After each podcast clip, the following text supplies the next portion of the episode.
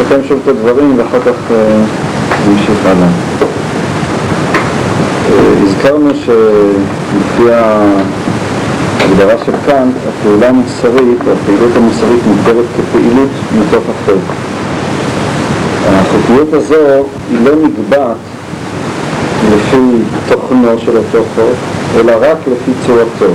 כלומר, מה שמניע את האדם המוסרי איננו התוכן שיש לאותה פעולה שהוא עושה, אלא עובדת היותה חוק ותו לא. זאת אומרת, אין כאן משמעות לעובדה, למשל, שהוא נותן צדקה לעני, אלא רק משמעות לעובדה שיש כאן איזה חוק, מה שקובע זה הצורה של הדבר, הפורמל, הפורמולה שלו ולא תוכנו. הפורמולה הזאת כאמור היא לא אה, מתחייבת מתוך איזשהו תוכן, היא למעשה רק הגדרה. ויותר מזה אמרנו שהיא נגזרת, וזו הנקודה שאני רוצה קצת לפתח, היא נגזרת מתוך התבונה עצמה. זו לא זקוקה מצידה לתוכן כלשהו ולאיזושהי התנסות קונקרטית. אני מתכוון למשל כמו מתמטיקאי. מתמטיקאי יכול אה, לחיות בחדר מבודד, לא להתנסות בשום דבר בעולם, לא להכיר שום דבר, במידה שהוא בעל תבונה, בעל שכל, הוא יכול לפתח את אותה מתמטיקה מתוך תבונתו בלי שהמתמטיקה הזאת תבטא איזושהי קונקרטיות בעולם. זאת אומרת, השאלה אם אותה מתמטיקה תוכל להתיישם במשהו בעולם איננה מעניינת את אותו מתמטיקאי. עובדה שהיו באמת סוגים שונים של מתמטיקה שבשלב ראשון הם היו לא שימושים, ורק בשלב מאוחר יותר מצאו להם אה, שימוש בענפי המדע השונים. זאת אומרת שלמעשה המוסר הוא איננו איזה, איזה מתמטיקה שאחר כך מחפשת לה את העולם כחומר ליישום של אותו ציווי של אותו חוק, אבל מצד עצמו אין שום משמעות לעובדה שנתת לצדקה לעני מלבד העובדה שקיימת את החוק. זאת אומרת, יש כאן כאמור אה, פורמליזם אה, ממש מוחלט. הרמב"ם להבדיל, הזכרנו, דיבר על האמת. זו כבר איננה אה, פורמליסטית, אלא היא מלאה בתוכן. מאידך, גם לפי ההגדרה של הרמב"ם, האמת הזאת היא צורה נבדלת בחומר. זה הנוסח של, של, אה, של הראשונים. כלומר, היא לא נובעת מתוך ההתנסות בעולם, האמת איננה משקפת משהו בעולם, גם לפי דעת הרמב"ם, היינו בעולם החומרי, בעולם הפיזי, אלא היא אמת מצד עצמה. נכון שבדרך לימודו של החכם הוא חייב, הוא לומד מתוך העולם, זאת אומרת, את מושאיו הוא שואב מתוך העולם, אבל כמו שהרמב"ם מתאר את זה, אה, הוא למעשה שואף לאט לאט להפשיט את הצורה מהחומר, כלומר ההתנסות שלו בעולם איננה אלא אמצעי על מנת מתוך אותה התנסות ללכת ולקלוט את האמת. אה, דרך עלייתו היא ככל שהוא יכול או מסוגל לראות את האמת מצד עצמה, האמת המופשטת, בלי להזדקק לאמת הזאת, כפי שנאמר, היא מלובשת או נמצאת בתוך העולם החומרי. הוא רוצה אה, לשחרר, נאמר, את החוכמה מהמושאים שבה היא נמצאת, היינו מהחומר.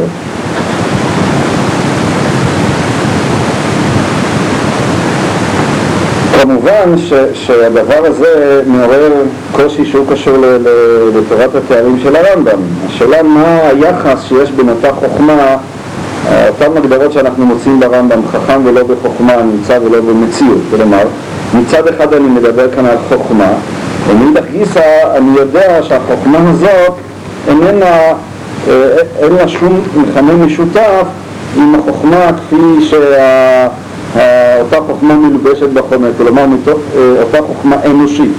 היא בהירות מצד עצמה, יש לה קיום עצמאי, נמצא ולא במציאות. השאלה מה המובן של נמצא ומה נשמר באותו נמצא כשבנשימה אחת אתה אומר וגם ולא, ולא במציאות.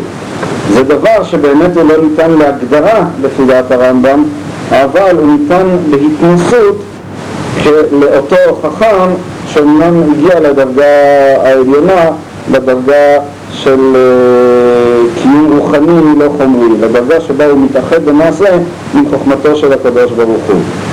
אבל מאידך גיסא ראוי מאוד להבחין בין שתי התפיסות הללו משום שדווקא בשנים האחרונות לפעמים נעשה ערבוב מסוים ביניהם כלומר האמת של הרמב"ם איננה איזושהי פורמליזם איננה חובה בעלמא. זאת אומרת מה שאדם עובד את הקדוש ברוך הוא אני רוצה להדגיש את זה, אני כמובן מי שמבין למה אני מתכוון, מתכוון ל...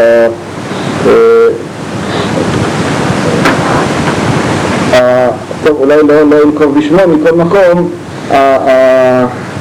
אני רוצה מאוד להדגיש את זה, את הרמב"ם לא מניעה הרגשת החובה, היינו אותו פורמליזם קנטיאלי שאומר תעשה את הדבר רק מתוך החובה והחובה הזאת היא ריקת משמעות היא נוסחה אה, ריקה אה, מתוכן, איננה אלא פורמליזם גריידא. האמת של הרמב"ם היא אמת חיה, היא אמת אלוקית, היא אמת ממשית.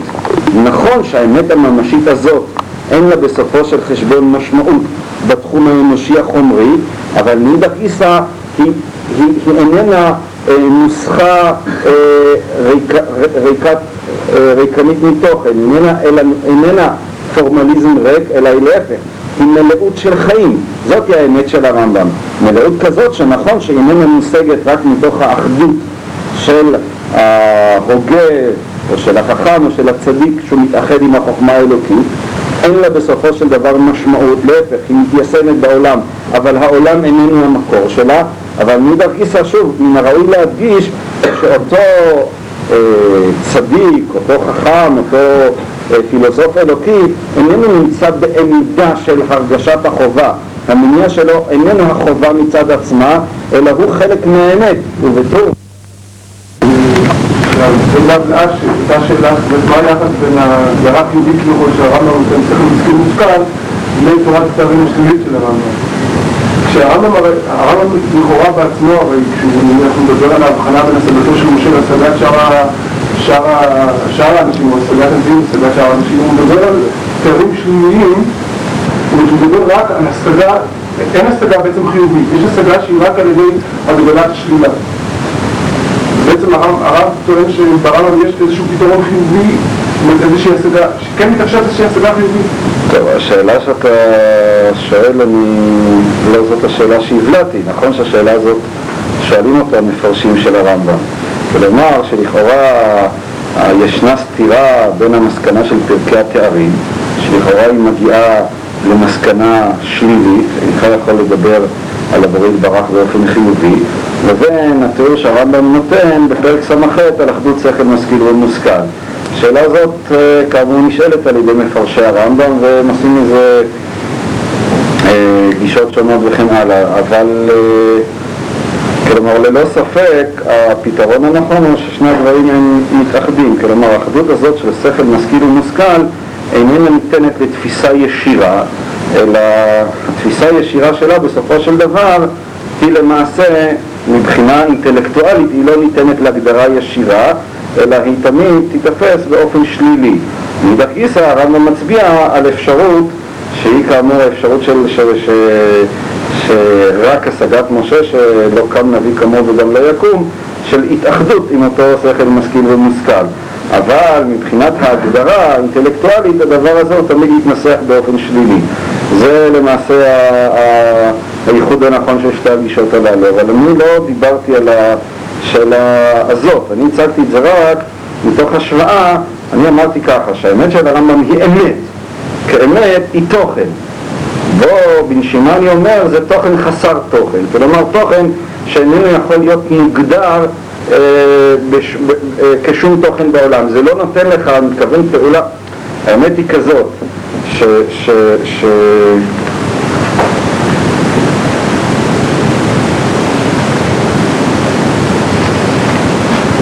אולי אני, אני אנסה לתת לזה, פעם הדגמתי את זה בצורה כזאת, אם שאין קשר ישיר בין הדברים, אבל אני אנסה קצת פשוט להמחיש את הדבר בכלל בתחום אחר, כלומר זה חורג מ... אני יורד מהפסים של הרמב"ם לתחום אחר לחלוטין, אבל הדבר הזה יכול באיזשהו מקום לתת, אני חושב, את ה... אולי את ההרגשה הפנימית של הדברים הללו. אני מתכוון אה, למושג השעשוע שקיים בחסידות, בעיקר בחסידות של המאגי מנזריץ'. רעיון שאני רואה אותו כאיזו אינטרפטציה, אמנם שוב רחוקה במערכת שונה לחלוטין של הרעיון הזה של הרמב"ם. מהי תכלית בריאת העולם? כידוע הרמב"ם אומר שאין תכלית לבריאה, כך גזרה חוכמתו, כך גזר רצונו. זאת אומרת, לנמק את זה באותם נימוקים ידועים, לא שייך עכשיו לעניין שלנו. מכל מקום, הקדוש ברוך הוא ברא את העולם בלי תכלית, הרי אלו הדברים שאנחנו אומרים עכשיו, כיוון שהמושג עצמו של תכלית בעצם קיים רק במושג, במישור האנושי. במישור האלוקי אין רק את הקדוש ברוך הוא. בריאתו של הקדוש ברוך הוא היא חלק מהקדוש ברוך הוא, כלומר יש כאן את החופש המלא של היצירה האלוקית שהיא חסרת משמעות אה, חיצונית. אצל החסידים, אצל המאגין מזריץ', אז הדברים, זה גם בקבלה מופיע, אבל בהסברה הזאת של המאגין מזריץ' הדברים אה, קיבלו אה, גוון כזה. תכלית בריאת העולם ישראל. מהי התכלית של בריאת ישראל? שהקדוש ברוך הוא ישתעשע בישראל על ידי שהם עושים מעשים טובים. והמשל שהמגיד מזריץ' מביא לזה זה משל של האבא שמשתעשע בילד הקטן שלו. כשהילד הקטן עושה כל מיני שטויות, אה, משחק לאבא, מורט לו בזקן ומשחק אה, כל מיני משחקים, האבא נורא נהנה מזה. לא משום שהילד הזה עושה איזה שהם מעשים שהם בעלי ערך או בעלי תוכן או בעלי משמעות. ההפך הוא הנכון. כל השעשועים של האבא מילדו היא דווקא מתוך העובדה שהילד הקטן הזה עושה שטויות. הוא ברא את העולם בשביל ישראל, הוא ברא את ישראל בשביל להשתעשע בהם.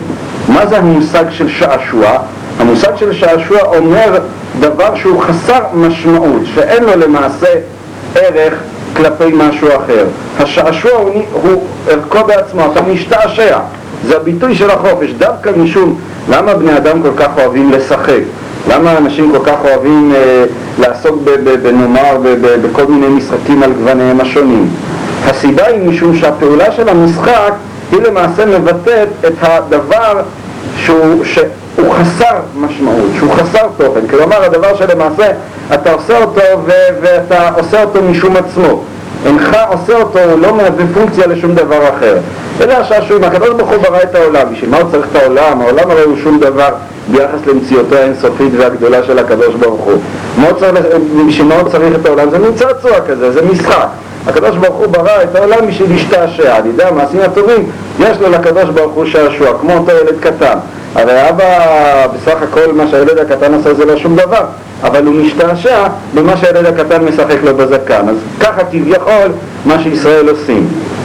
הדבר הזה, כאמור, הוא גם הפוך. הצדיקים גם כן משתעשעים בשעשועי אהבה לקדוש ברוך הוא. כלומר, הדרגה הגבוהה של הצדיק בסופו של דבר, שלמעשה הוא משיג את זה בעיקר בתפילה, זה השעשוע.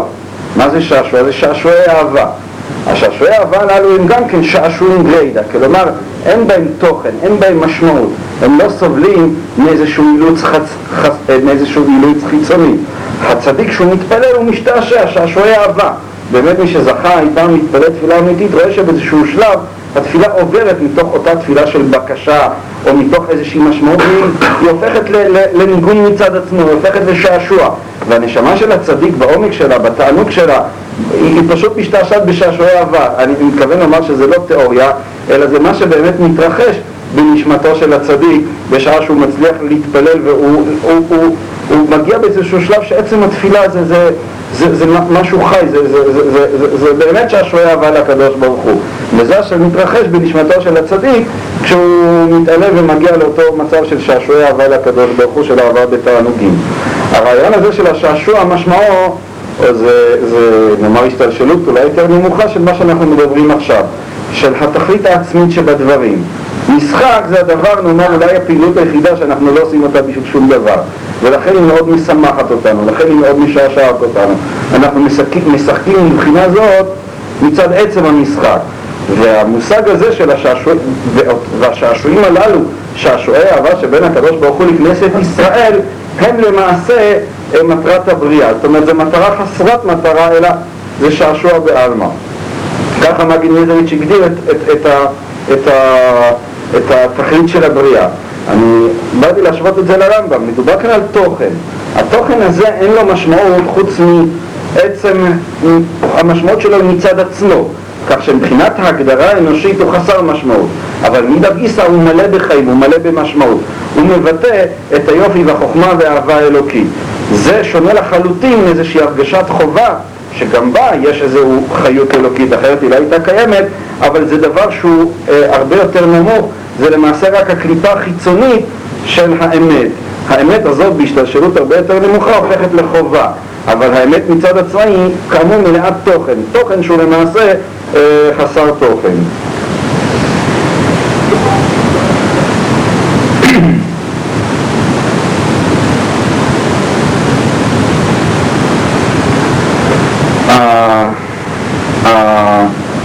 ההגדרות האלה של המושג, אני רואה שיש איזה מישהו, מה? שרוצה להעיר בבקשה. זהו, אני רואה שלא רוצה לכם בעיניך, אה?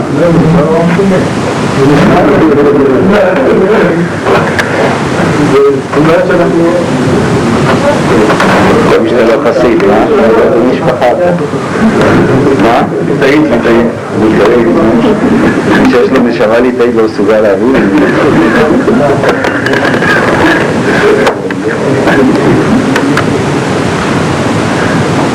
זה אומר שאנחנו מתעסקים בשטויות. אבל זה המקסימום שאנחנו עושים. משחקים, עד לפני כן אולי השתעשעת. לא התעסקת, עכשיו בשטויות. מסוימת. מה אתה אומר? במשל הזה של המאמרים לנזק שיש איזושהי הגשמה שהיא מאוד צורמת. טוב, זה שהחסידים ובעקבות המקובלים השתמשו בציורים גשמיים בצורה חריפה וקיצונית זה לא דבר חדש. לכן צריכה לבוא הפשוטה כמה. אני אומר ש... אני מבין, אני אומר, לכן צריכה לבוא קצת הפשוטה של... כן, אבל החסידים הרי לא התכוונו להפשטה. והיינו, הם לא, לא רצו לדבר על פורמולות. החסידים דיברו על שעשועים פשוטות במשמעות, זה לא... זה לא הפשטות, זה מה שבאמת חש אותו תענוג עליון שהצדיק חש ובמובן מסוים כל אחד יכול להיות בדרגה הזאת של הצדיק בעצם התפילה. יושב ומתפלל לקדוש ברוך הוא, אז אולי בשלב הראשון התפילה הזאת היא עוד בקשה, אבל באיזשהו שלב באמת אתה פשוט שר, ברור שמה הווי העולם ואתה שמח בזה וצועל בזה ואתה נהנה מעצם העובדה שאתה משבח את הקדוש ברוך הוא ושר לו סרנדות, אם יתבטא בצורה קצת חריפה. וזה עצמו השמחה הגדולה ביותר. מה, מה אדם בסופו של דבר יכול לעשות? הקדוש ברוך הוא יש לו את הכל, לתת לו אתה לא יכול לתת לו שום דבר. אתה יכול לכל הפחות לשיר לו, נאמר ככה. גם את זה הוא לא צריך, אבל כתוב בספרים שהוא שמח בזה, הקדוש ברוך הוא מתאבל לתפילתם של צדיקים. אז ידוע, מתאבל לתפילתם, לכן הוא מנע מהם פרי בטן שייתן להם ולא מה הוא צריך את התפילה שלהם, אלא מתאבל לתפילתם של צדיקים. אז החסידים מסבירים את זה על פי דרכם שהוא נהנה מזה שהם מתפללים. זאת אומרת, תשאל אותי למה הוא נהנה, התשובה היא זה, זה חלק מעצמותו, זאת אומרת זה, זה השעשוע שעליו אינך יכול לשאול את שאלת הלמה. זו הפעולה החופשית הספונטנית של היצירה האלוקית. זה בעצם, למעשה זה גם הביטוי הגבוה ביותר של אהבה. אהבה בסופו של דבר היא איננה דבר שהוא לקראת משהו כשמישהו אוהב אדם ש, אה, אה, שאוהב את הילד שלו, לא את הילד שלו בגלל שהוא רוצה שהילד הזה יהיה פרופסור ואחר כך הוא יזכה בנובל וכולם יכבדו אותו. הוא אוהב את הילד שלו ואז הוא שמח בעצם העובדה שהילד הזה גודל ומתפתח וכן הלאה. תשאל אותי מה המטרה, אין לו מטרה מעבר לדבר הזה. בסופו של דבר אותם שעשועי אהבה עליונים הם באמת כל ה... היופי והחדווה והשמחה והעונג שבהם הוא דווקא מתוך העובדה שהם לא מוליכים לקראת שום דבר אלא יש בהם הסתפקות עצמית, כלומר הם שעשועים מצד עצמם. החסידים תיארו כאמור את הדבר הזה כדרגה הגבוהה ביותר של אהבת כנסת ישראל שהיא למעשה באה לידי ביטוי באהבה שנמצאת בנשמה של הצדיק כשהוא מתפלל לפני הקדוש ברוך הוא. הניסוחים הללו הם כאמור ניסוחים קיצוניים, אנחנו קצת חורגים, אבל למשל, צודיק, אני מניח שמכירים אותו קצת יותר, אבל למעשה רב צודיק אתה מוצא בעקבות רבו איש ביצועי את אותה נוסחה עצמה. מה איש ביצועי אומר? איש ביצועי אומר דבר כזה, בתחום אחר לחלוטין, אבל הוא בדיוק אותו, אותו רעיון. הוא אומר ככה, למעשה כל מה שמתרחש בעולם, הכל הוא בשליטתו של הקדוש ברוך הוא. זאת אומרת, בחשבון העליון הממצה אה, מה שהצדיק אומר שזדונות נעשים זכויות. זה צדיק מאוד הוא זדונות נעשים זכויות. פירושו של דבר שגם העבירה שהיהודי עשה בסופו של דבר, לולא שהקדוש ברוך הוא הייתה רוצה שהיא תיעשה, היא לא הייתה נעשית.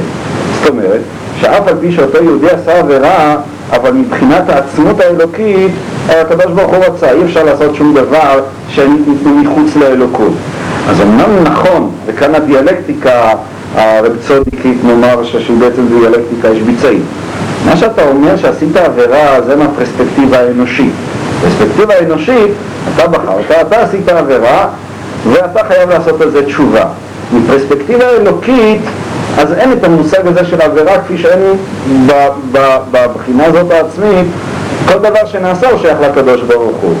אם אדם מגיע לאהבה האלוקית, כלומר הוא מתאחד עם העצמות האלוקית, אז בבחינה הזאת זדונות נעשות זכויות.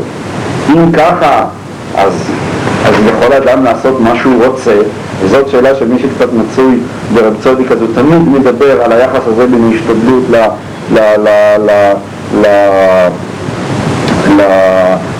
לחוסר ההשתדלות, לחוסר הבחירה, להימסרות ביד הקדוש ברוך הוא. אז היביצאי אומר בעצם רעיון כזה, הוא אפילו נותן לזה ניסוח, הוא אומר לפני שאתה עושה מעשה, אתה צריך לחשוב שהכל תלוי בך. אחרי שעשית את המעשה, אתה צריך לחשוב שאתה לא עשית שום דבר. אם ככה, בשביל מה אתה צריך לעשות את המעשה? אבל אתה יודע שלמעשה אתה אינך יכול לחמוק משליטתו ומגזירתו של הקדוש ברוך הוא, אז הוא אומר נוסחה שבעצם אומר שזה רק על הגוון. כלומר, אתה צריך לשחק. הקדוש ברוך הוא רצה שנ... כמו שאמרת, זה בעצם זה הניסוח, ואני חושב שאפילו משתמש ביטויים כאלה. הקדוש ברוך הוא רוצה כאן שנשחק, אבל הוא רוצה שנעשה את זה, זה רצונו. זאת אומרת שאין לדברים הללו משמעות מצד עצמה. על הגוון, כלפי חוץ, בפרספקטיבה אנושית, אז אמנם אתה צריך לעשות את זה ואתה צריך לעשות את זה ברצינות. אבל בסופו של דבר, הרצינות הזאת היא למעשה מהבחינה העצמית שאיננה שייכת בסופו של דבר לאדם, הרצינות הזאת היא לא רצינית. המושג הזה או התפיסה הזאת היא קיימת הרבה מאוד בחסידות, נכון? ש... ש... אני רוצה שנבין, מי שתופס את זה, יש כאן למעשה אה, שתי נקודות מבט, וצריך מאוד להדגיש אותן. משום שמי שיערבב את שתי נקודות המבט הללו אחת בשנייה, אז הוא יגיע לסילופים ולעבירות נוראיות. כלומר, מבחינת מבט אנושית זאתי האמת, וזאתי האמת המוחלטת ולפיה אני צריך לפעול. מנקודת מבט אלוקית, אז זאת איננה אמת. היינו, אה, אולי אני, כיוון שנגררנו לזה, אז אני קצת אסביר יותר, זה גם כן דבר חשוב. משום שאני רואה למעשה בדבר הזה את שורש בכלל, השורש של המחלוקת בין המתנגדים לחסידים, בדיוק בנקודה הזאת. ואולי אני אזכיר בהקשר הזה גם מדברי נפש החיים. הדברים ידועים, רק אני חושב שזה באמת שורש ההבדל בין המתנגדים לחסידים. הנפש החיים מדבר שיש, כידוע, אותה הבחנה קבלית שיש שתי בחינות בהתגלות או מבחינת הקדוש ברוך הוא, בחינה של סובב כל העלמין ממלא כל העלמין. מבחינה של סובב כל העלמין הקדוש ברוך הוא הוא מחוץ לבריאה.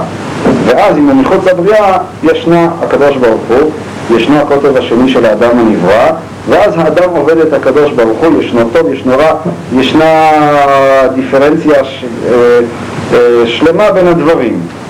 בבחינה של הממלא כל העלמין, אז הכל קיים באחדות של הקדוש ברוך הוא. זאת אומרת, לא ייתכן שיש שום דבר מחוץ לקדוש ברוך הוא שהרי אז אנחנו פוגמים באינסופיותו כביכול. כך שמבחינת הממלא כל העלמין אני אומר שכל דבר ודבר שקיים בבריאה הוא חלק מאלוקותו יתברך. אבל, אומר הנפש החיים, הבחינה הזאת של הממלא כל עלמין נכון שהיא אמת, אבל היא אמת מבחינת עצמותו יתברך. כלומר, זאת אמת אלוקית, זאת איננה אמת אנושית. התודעה האנושית בנויה כל כולה על הבחינה שלפי הגדרתו היא הבחינה של סובב כל העלמין. יתר על כן, כל התורה וכל המצוות, כל עבודת השם של היהודי בנויה רק על הבחינה של הסובב כל העלמין. רק בבחינה הזאת יש מושג של טהור וטמא, של רע וטוב, של מותר ואסור. בבחינה של הממלא כל העלמין הקדוש ברוך הוא נמצא גם כמו שהוא אומר שם במבואות המטונפים, אבל הוא נמצא בכל מקום ומקום. ואם ככה שוב ביטלת את ההבדל בין טוב לרע, בין טמא לטהור. לכן כל תורה ומצוות כל כולם בנויים על העניין של הסובב ולא העניין של הממלא. העניין של הממלא אומר נפש החיים למעשה אסור בכלל להתעסק בו. זה מה שכתוב ש, שאסור לך להתבונן מה למעלה מה למטה אם רץ ממך שוב לאחור וכן הלאה. הדבר הזה שייך רק לצדיקים עליונים וגם כן רק לתפילה, זה יכול להביא אותם התערבות לתפילה וכן הלאה, אני כבר לא זוכר בדיוק את ההגדרות. אבל למעשה הדבר הזה כמניע ממשי אה, בעבודת השם, כדבר שצריך לשאוף אליו, לא רק שאיננו קיים אלא הוא אפילו אסור. כך אומר נפש החי. זאת אומרת הממלא הופך לאמיתי. זה כבר בעיה טרמינולוגית ש... מה? הוא אומר שהממלא זה המקיף מבחינת האדם, והמקיף זה ממלא. אה, אתה, אני, אני מבין שאתה שואל את מושגיך מהתניא, מהאדמו"ר הזקן. זה נכון ש... אבל זה... איך שאתה מכיר את זה רק בעיה טרמינולוגית. אז בוא תאמר לי מה שהיה מלא אבל מה. שאתה מגדיר עכשיו למעשה זה, רק אה, היפוך מושגים, כלומר זה רק בעיה טרמינולוגית, נכון? שאצל אדמו"ר הזקן המושגים הללו משמשים בהיפוך משמעות, אבל זה לא מה שחשוב לענייננו. ההיפוך המשמעות הזה הוא יותר מאשר היפוך משמעות, אבל אני עכשיו לא מתכוון להיכנס לדבר הזה. דבר אני לא, לא, לא רוצה עכשיו לדבר על המושגים מצד עצמם, זאת אומרת אני מסכים איתך שהסובב של אדמו"ר הזקן הוא בעצם מבחינות מסוימות המלא של נפש החיים, אבל זה לא משנה עכשיו לענייננו, לא נתעסק עכשיו במושגים. אבל הדבר הזה גופה, שאליבא דנפש החיים איננו אה, מהווה גורם ממשי ריאלי בעבודת השם, שאסור להתעסק בו, הוא, הוא בעצם המטרה והמניע והמוקד של העבודה לפי החסידות. כלומר, כל עניינה של העבודה החסידות היא בעצם להגיע לאותה הבחנה שלפי נפש החיים נקראת ממלא כל עלמין. לאותה בחינה שבעצם אין שום דבר חוץ מ- מ- מ- מלוא כל הארץ, מכבודו מלא עולם. זאת היא בעצם הבחינה שהיא המטרה של העבודה של החסידי. המטרה של העבודה של החסיד היא למעשה להגיע ולראות אלוקות בכל דבר ודבר, לבטל את התודעה של האני שלו, שהיא התודעה שהוא רחוק ממנה לאלוקים, ולהגיע לאותה דבקות שבה התודעה שלו היא עצמה חלק מהקדוש ברוך הוא. זה בעצם הנקודה של הדבקות החסידית בצורה הכללית ביותר שלה. כלומר, מה שאליבא דנפש החי, החסידים מסכימים שהתודעה האנושית בנויה למעשה על הבחינה של ההגדרה הזאת של סולל כל עלמין. הם מסכימים, אבל המטרה של האדם בסופו של דבר היא לשבור את אותה תודעה, או לכל הפחות אה, שהיא למעשה נאמר שורש הרע במובן מסוים, ולהגיע לבחינה של דבקות כזאת שבה מתבטל במובן הזה ההבדל בין האלוקים לבין העולם. כמובן שהשאלה הזאת היא גוררת בעקבותיה שאלה נוספת. הרי באמת כל העבודה של תורה ומצוות בנויה בדווקא לבחינה של סובב, ולהגדרה או להבחנה הזאת באמת החסידים לא מתנגדים, אז זה כבר נושא באמת בפני עצמו שאדמו"ר זקן עצמו דון עליו וכן הלאה. אבל מכל מקום, זאת היא בעצם נקודת המוצא החסידית. נקודת המוצא החסידית שכביכול האדם יסגל לעצמו במובן הזה שאנחנו מדברים עליו את הפרספקטיבה האלוקית, את הפרספקטיבה שבו אין למעשה פער או חיץ בין הבורא לבין הבריאה. אני השם לא שניתי, אתה הוא אה, משנברא העולם, אתה, אתה הוא אחרי שנברא העולם. למעשה מבחינת הקדוש ברוך הוא, אז הכל הוא אלוקות. ולמצוא בכל דבר ודבר את האלוקי שבו. בכל דבר ודבר לתפוס אותו כביטוי של הרצון האלוקי, כביטוי של הספונטניות האלוקית. זה למעשה עיקר העבודה של הדבקות לפי החסידים. כך שכל ה... ה... ולכן בסופו של דבר אנחנו מגיעים לנוסחאות כמו שעשועים או הצגה וכן הלאה. משום שברגע, מבחינת הקדוש ברוך הוא באמת אין שום הבדל, טוב ורע. הקדוש ברוך הוא יכול היה לעשות את הרע לטוב ואת הטוב לרע. כל מה שנמצא בעולם זה הכל הקדוש ברוך הוא. כך שמבחינת הפרספקטיבה האלוקית העצמית, באמת אין טוב ואין רע, אין, אין, אין במובן הזה גם את המושג של עבודה. ב, ב, ב, במובן הפשוט שלו, במובן העבודה עיקרה למעשה שבירת אותו, אותו, אותו אני, אותה תודעה שהיא חוסמת את האדם מהאור האלוקי. כך ש... ש, ש אני מסכים מה שאתה אומר, אבל, אבל, אבל כאן צריך מאוד להיזהר, משום שאם אתה תופס את הדברים הללו של החסידות בשכל הלא, נאמר הלא אלוקי, אלא בשכל הפשוט, אז באמת מגיעים להרס עצום. כלומר, אז קיימת אותה שאלה של נפש החיים, אז מתבטל ההבדל בין טוב לרע, מתבטל ההבדל בין טמא לטהור. אם האדם יערבב את הפרספקטיבה האלוקית עם הפרספקטיבה האנושית. לכן האדם צריך לדעת שהוא יכול לדבר על הדברים הללו ולדעת שהם הפרספקטיבה האלוקית. הוא יכול גם להתאחד. אבל הוא לא יכול לערבב את שני המישורים אחד עם השני. משום שאם הוא יערב את שני המישורים אחד עם השני, אז באותו רגע קורה ההרס היום, היינו באמת מתבטל הטוב והרע והטמא והטהור, כמו שבאמת נפש החיים בנקודה הזאת תקף את החסידים. הנקודה הזאת היא למעשה, כמו שאמרתי, היא השורש של לעניות דעתי השורש של המחלוקת של החסידים והמתנגדים.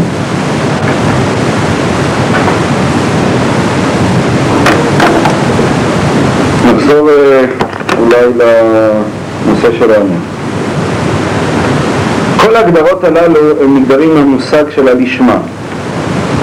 היינו, עשיית הדבר מצד עצמו. רק דבר שערכו עצמי, שהוא לא אה, מטרה לדבר אחר, הוא יכול לעשות לשמה. עבודה זו, כמו שאנחנו ראינו, תלויה מצד אחד בחירות, אומרת, רק אדם שמתוך בחירתו החופשית בוחר לעשות את מה שהוא עושה, רק אז הוא עושה לשמה. ונקודה נוספת, מקומה בתבונה. וכאן אני רוצה אה, להתעמק קצת בנקודה הזאת, משום שהיא חשובה גם אה, להב... אה, חשובה אה, להבנת הרמב"ם. למה אנחנו מוצאים, או את כל המושג הזה של הלשמה, אה, דווקא בתבונה?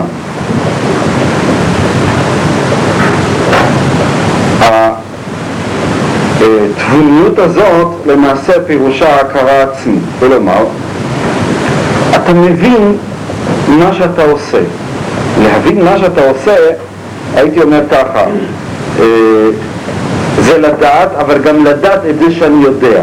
כלומר, להבין משהו זה, זה ידיעה פנימית כזאת. יש לי, זאת לא רק ידיעה, אלא זה, זה, זאת הידיעה שאני יודע. המציאות העצמית זה מין מעגל שסגור על עצמו. וזוהי באמת הסיבה שהרמב"ם מזהה את החוכמה אה, עם, הייתי אומר, עם המוחלט. כלומר, ש... ש, ש, ש מה בעצם פירושו של דבר, אה, מה פירושו של מוחלט? מוחלט לפי ההגדרה שאנחנו אמרנו זה דבר שקיים מצד עצמו. שהוא לא קיים ביחס לדבר אחר, שהוא לא קיים בגלל דבר אחר, אלא קיומו הוא עצמי. הקיום העצמי, כך אנחנו נוסעים לפי ההגדרה הזאת, הקיום העצמי היחידי שקיים הוא הקיום של החוכמה. למה? משום שהחוכמה פירושה הבנת הדבר. אני יודע את הדבר, אני יודע ואני יודע שאני יודע. ידיעת הידיעה הזאת, המצב הזה של הכרה עצמית, היא לא אה, זקוקה לשום דבר מחוצה לה. היא קיימת לעצמה.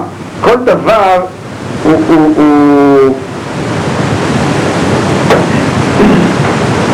הוא קיים ביחס לדבר אחר.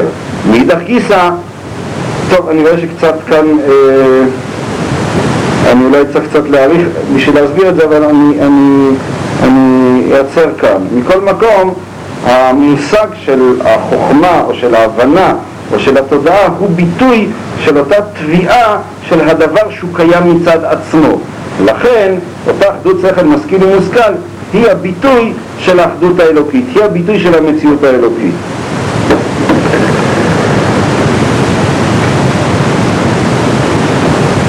אמרנו שלפי ההגדרה או לפי התפיסה הזאת, ובזה אני אה, סוגר את, את, את המעגל הזה, לפי התפיסה הזאת, אז למעשה בהכרח, וכך אומר אה, כאן, כל מוסר צריך להיות אוטונומי, שהרי אם אני חייב לפעול מצד הדבר עצמו, אז הדבר הזה באיזשהו מקום צריך להיות אני עצמי. כלומר, למה אני פועל אם אני מאולץ על ידי דבר אחר מבחוץ, הרי שוב הפעולה הזאת איננה מוגדרת כפעולה מוסרית. חייב אני לפעול מכוח עצמי. הפעולה הזאת שמכוח עצמי היא הביטוי של האוטונומיה של המוסר. כלומר, מוסר לעולם לא יכול להיות כפוי על ידי דבר חיצוני לו, הוא, יכול, הוא נבנה רק מתוך האוטונומיה, מתוך התבונה עצמה, מתוך האדם המוסרי עצמו. כאן כמובן המקור לכל התפיסה ההומניסטית שמעמידה את האדם כקנה המידה של הדברים ובמרכז וכן הלאה וכן הלאה. אצל הרמב"ם נדגיש, אנחנו מוצאים... זה קשור לחוק?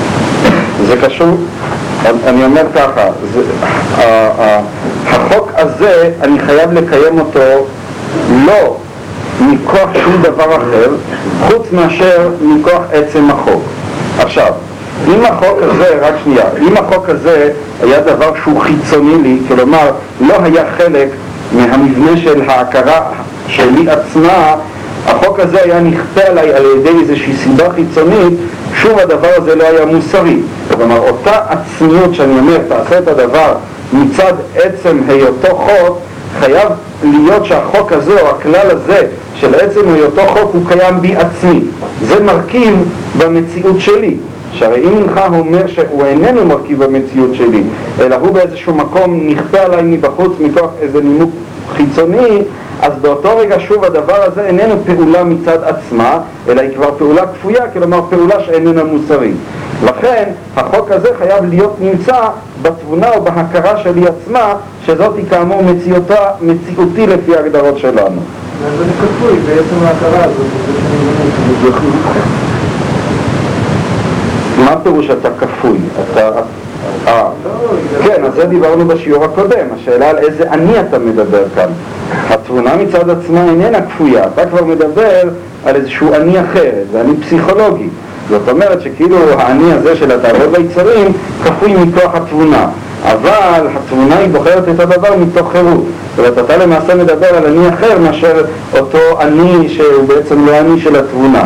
אבל נעזוב את הנקודה הזאת, אני לא רוצה לפתח אותה. אתה מדבר על אני אחר, שאיננו התבונה עצמה. הרמב"ם...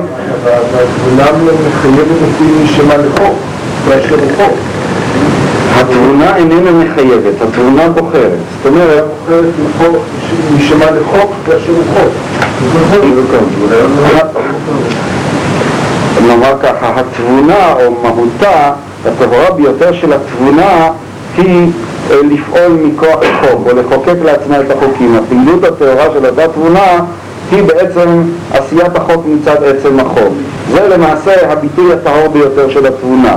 זאת אומרת, האדם שהוא בעל תבונה, אדם ש, ש, שהוא בעל uh, שכל, אז הוא עושה פעולות שמניעם איננו אלא הבנת השכל, שפעולם איננו אלא החוקיות העצמית של השכל. כלומר, שהן נעשות מכוח העובדה שהן הגיוניות מצד עצמם, שהן נכונות מצד עצמם, או שהן חוק מצד עצמם.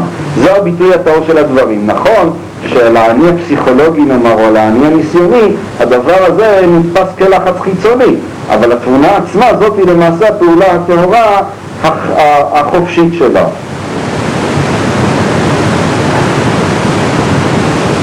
אצל הרמב"ם האמת היא כאמור גם כן אוטונומית, אבל היא איננה האמת האנושית. זאת אומרת, בסופו של דבר האמת קיימת, כמו שהדברים מתוארים בכלל אצל הראשונים, החוכמה היא ישות בפני עצמה, היא, היא אמת בפני עצמה, היא משהו שנמצא, האדם כשהוא מתאחד עם אותה אמת, אז הוא פועל לפי האמת הזאת. אבל האמת הזאת איננה החקיקה האוטונומית של התבונה האנושית, אלא היא למעשה האמת האלוקית. כלומר, נכון שהיא אוטונומית לעצמה, ובסופו של דבר הביצוע האמיתי שלה הוא רק כשאדם מתאחד עם אותה אמת, אבל אותו אדם שהוא מתאחד עם אותה אמת הוא למעשה מפסיק להיות האדם האישי, הוא הופך להיות חלק מאותה חוכמה, הוא הופך להיות חלק מהשכל הפועל, חלק נאמר מהחוכמה האלוקית שבעולם. כך שהאדם ללא ספק איננו כאן המרכז. הגישה הזאת היא ללא ספק לא גישה הומניסטית שתופסת את התבונה של האדם כמחוקקת חוקים לעצמה. החוקים הללו הם החוקים של החוכמה האלוקית, לא חוקים שאדם יוצר אותם. כמובן שמשמעותם כאמור הם אוטונומיים לעצמם במובן הזה שמשמעותם איננה, איננה יוצאת מחוץ אל עצמם. הם קיימים אך ורק בתוך עצמם. זאתי הפעילות של האמת מצד עצמה שהאדם יכול להתאחד איתה ולהגיע ל, ל, ל, לתפיסה האמיתית שלה. פעולת ההתחברות הזאת עצמה, לא היא אוטונומית לאדם? זאת אומרת, גם היא נעשית מתוך אוטונומיה של האמת הסובייקטיבית הקיימת בהכרתו של האדם למעשה. אלא שאנחנו אומרים שלהבדיל מהחוקים שכאן הוא מחוקק אותם, הוא יוצר אותם, אז אנחנו אומרים שאנחנו מגלים את האמת העולמית שהיא בעלת אישות אוטונומית מצד עצמה. אבל עצם אה, ההתחברות עם האמת הזאת היא חייבת גם כן להיות אוטונומית מצד הפעילות הנפשית של האדם החכם שמתחבר עם המושגים. אני לא בטוח שאתה צודק, משום שזה שייך לקהל שמתוך שלא לשמה בא לשמה, כלומר ישנו גם שלב יכול להיות בכל הפחות גם שלב שבו אדם פועל או מתחיל מתוך שלא לשמה. כן, אבל אותו שלב אולי יש להם תבונים, זאת אומרת, אולי יש להם של האדם, בחוכמה של האדם, זה חלק של חוכמה עם חוכמה. אבל איך שאתה מציג את הדברים, אז שוב זה איננו פעולה אוטונומית, זה פעולה הטרונומית, כלומר, מתוך שלא לשמה זה במפורש מניע הטרונומי שאיננו אה, נגזר מתוך החירות של התבונה, אלא בנוי על חוקי פסיכולוגיה וכן הלאה. מה שאני מתכוון, לא, אני מקבל את זה, אני רק חושב שהמצב השלם גם אצל הרמב"ם יהיה מצב של אוטונומיה מסוימת של האמת אני מסכים איתך, אלא שהוא אומר שיש מצבי ביניים להגיע למצב הזה. לא, זה לא האמת הסובייקטיבית, אני חושב ששוב אנחנו נכנסים קצת לדברים מופשטים כאן, אבל במצב העליון האדם מאבד את הסובייקטיביות שלו, כלומר היא כבר לא קיימת. זאת אומרת, אצל קאנט היא כן קיימת, זאת אומרת, היא נטולת משמעות גם אצל קאנט, שאם זה סובייקטיבי או לא סובייקטיבי. השאלה איך אתה מגדיר סובייקטיבי, אבל, אבל אה, הסובייקטיבי, אם אתה מגדיר אותו כניסיון הפסיכולוגי, אתה צודק, אבל אם אתה מגדיר אותו כתבונה של האדם עצמו, זה נכון שזה לא סובייקטיבי, סובייקטיביות במובן שאנחנו בדרך כלל תופסים כסובייקטיביות.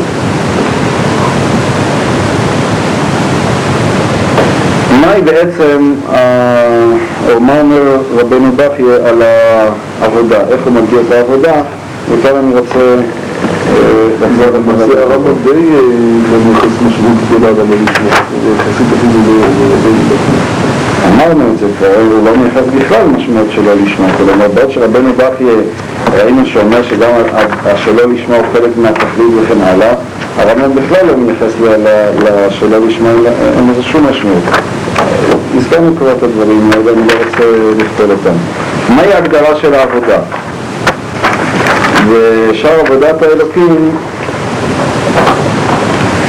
מגדיר רבנו בכיה ככה אך גדר העבודה ברור חלקיה, אפשר עבודת האלוקים פרק ג', וברור חלקיה הוא שגדר העבודה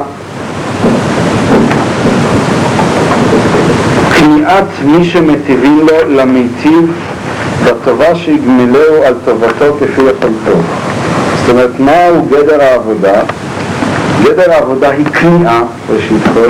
זאת אומרת, הביטוי כניעה כבר מציין דבר שאני נכנע אליו, כלומר, מציין הטרונומיה מסוימת, אני נכנע, כניעת מי שמטיבים לו, זאת אומרת, יש מישהו שעושים לו טובה, הטובה הזאת שמטיבים לו, החסד הזה שעושים לו, גורמת לו להיכנע, כניעת מי שמטיבים לו למיטיב, לטובה שיגמלו על טובתו כפי יכולתו. כלומר בלשון יותר פשוטה זה הכרת הטוב הגורמת לאותו אחד שמכיר את הטוב להיכנע או להתנסר לאותו אחד שעשה לו טוב.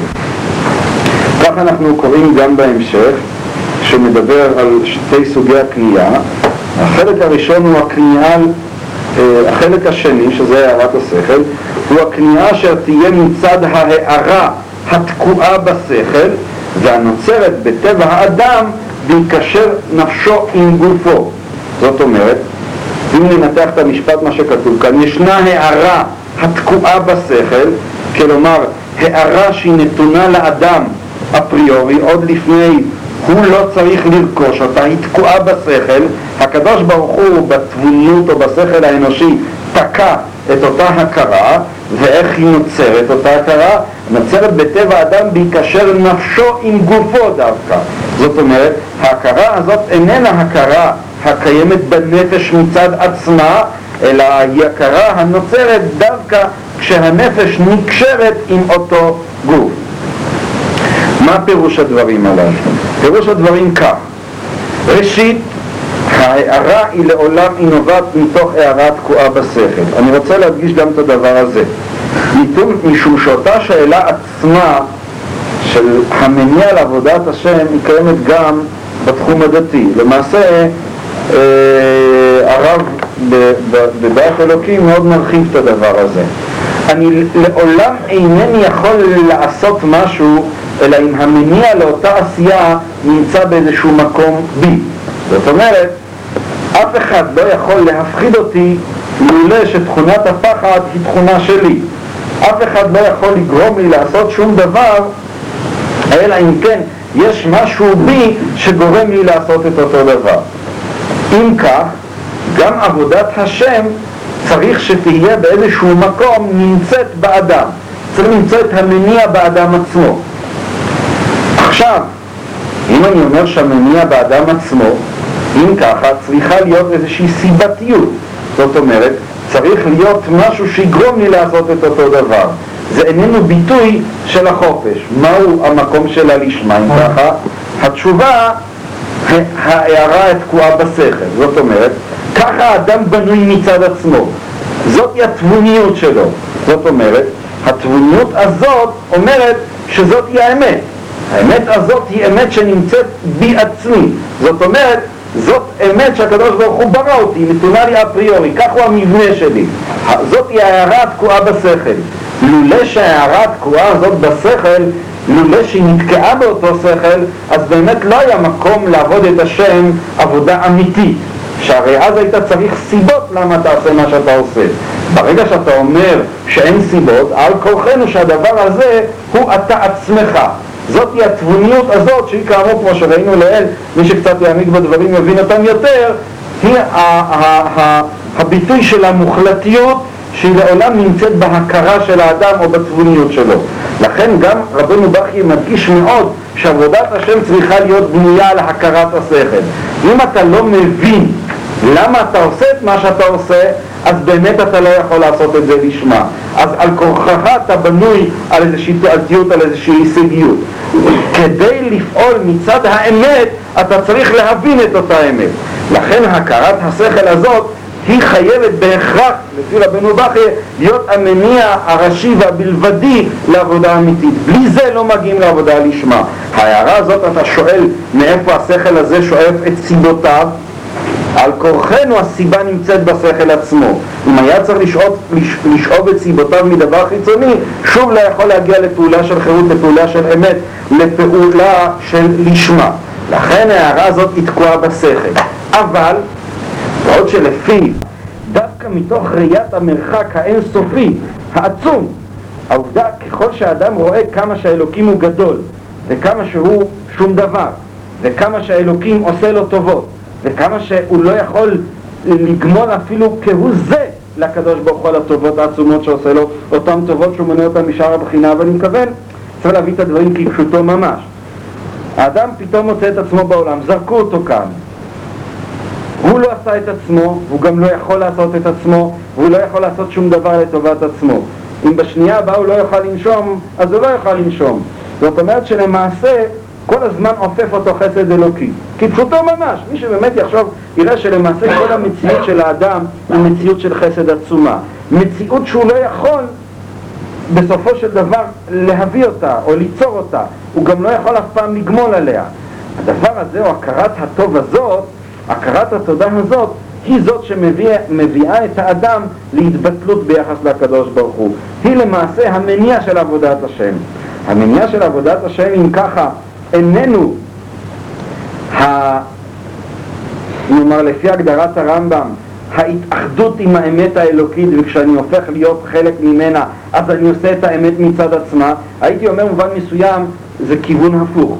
בעוד שלפי דעת הרמב"ם עבודת השם היא, האמיתית נוצרת באותו רגע שהאדם מתאחד עם הקדוש ברוך הוא שהאמת האלוקית הופכת להיות חלק ממנו הוא עצמו לפי דעת רבנו בכי המצב הוא בדיוק הפוך. ככל שאתה יותר מתרחק מהקדוש ברוך הוא, ככה אתה יותר הופך להיות לאפס, וככה אתה יותר מתבטל לרצונו יתברך. זאת אומרת, היא איננה מבוססת על האחדות או ההתאחדות שבין האדם לבין הקדוש ברוך הוא. המצב איננו אותו מצב של של, של השכל בפועל ש, שהתודעה האנושית מתבטלת והופכת ופועלת לפי השכל האלוקי, אלא בדיוק מצב הפוך. דווקא מתוך הכרת האפסות האנושית מצד אחד, והכרת החסד האלוקי מצד שני, דווקא ההכרה הזאת, שהיא כאמור הטרונומית לחלוטין, היא מבוססת דווקא על הפער והקרע העצום שבין הבורא לבין הנברא, דווקא זה המניע הדתי, המניע של עבודת השם, הוא המניע של העבודה, המניע של הכרת הטוב. זאת אומרת, מה שלמעשה אנחנו רואים כאן בקטע זה שני דברים, הכרת הטוב ויראת הרוממות, שהם למעשה הביטוי של ההתבטלות של האדם כלפי האינסופיות האלוקית, כלפי העצמות האלוקית, וזה למעשה הביטוי של הדתיות. הדתיות פירושה אה, ראיית התלות והאפסות של האדם והחסד האלוקי שבאמת עופף את האדם ושהאדם בסופו של דבר לא יכול לעשות לו שום דבר הוא כל כך הרבה מקבל חסד שהדבר הזה ממלא אותו בבושה עצומה, ממלא אותו ב... ב, ב הוא, הוא נאמר ככה, הייתי אולי ממשיל את זה כמו נאמר אדם שאוהב את הוריו, שהם עשו לו המון טובות באיזשהו שלב הוא יכול פשוט להרגיש איזה מין התמסרות כזאת, כמו שכתוב בזוהר הקדוש, כמו שבן הוא מסור לאביו ולאמו. ועד כדי כך הוא, הוא, הוא, ה- הטוב, הוא, הוא פשוט, אה, הייתי אומר, אה, אותו חסיד הוא מתמוסס בתוך החסד האלוקי. הקדוש ברוך הוא כל כך, כל כך, יש בו, הוא, אה, או במשל הזה של, של האב וההורים. הוא עד כדי כך חש כלפיהם הכרת הטוב שכבר ישותו, רצונו הפרטי מתבטל והוא מוכן לשמש אותם ולעשות אותם ולהתמסר אליהם במין מסירות כזאת של, של, של, של בן להוריו בלי שום חשבון פרטי ואישי וכן הלאה, דווקא מתוך הכרת החסד העצומה שהם עשו לו.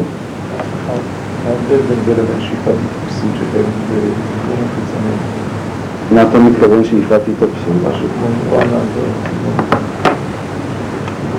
אני לא כל כך אה, בקיא במושגים הללו של, אה, אה, של הנירוונה וכן הלאה, אבל מה שרבנו דפי אומר זה דבר שונה לחלוטין. נירוונה אני מבין זה, זה מין כיבוי של התודעה האנושית או משהו כזה.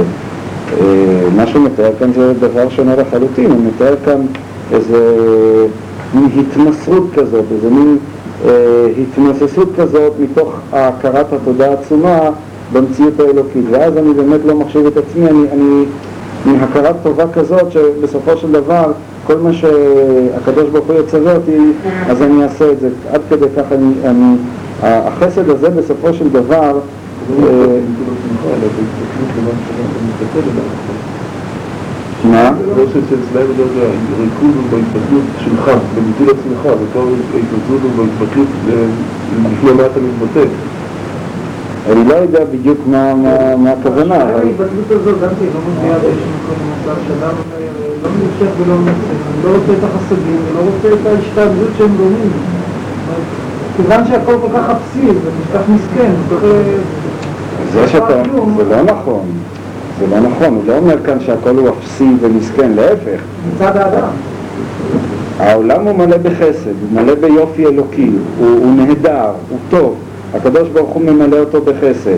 האדם מצד עצמו, בהיקשר נפשו עם גופו, חסר אונים לחלוטין. הוא כל כולו נתון לחסד האלוקי. והראייה הזאת, הכרת הטוב הזאת, היא גורמת לו לאדם להתמסר לקדוש ברוך הוא, אומר, אני כל כך הרבה חייב לך שאני כבר הופך להיות לגמרי ה... ה... כבר לא, הוא הוא כלום, הוא אפס. הוא אין פה כבר מישהו שעושה משהו.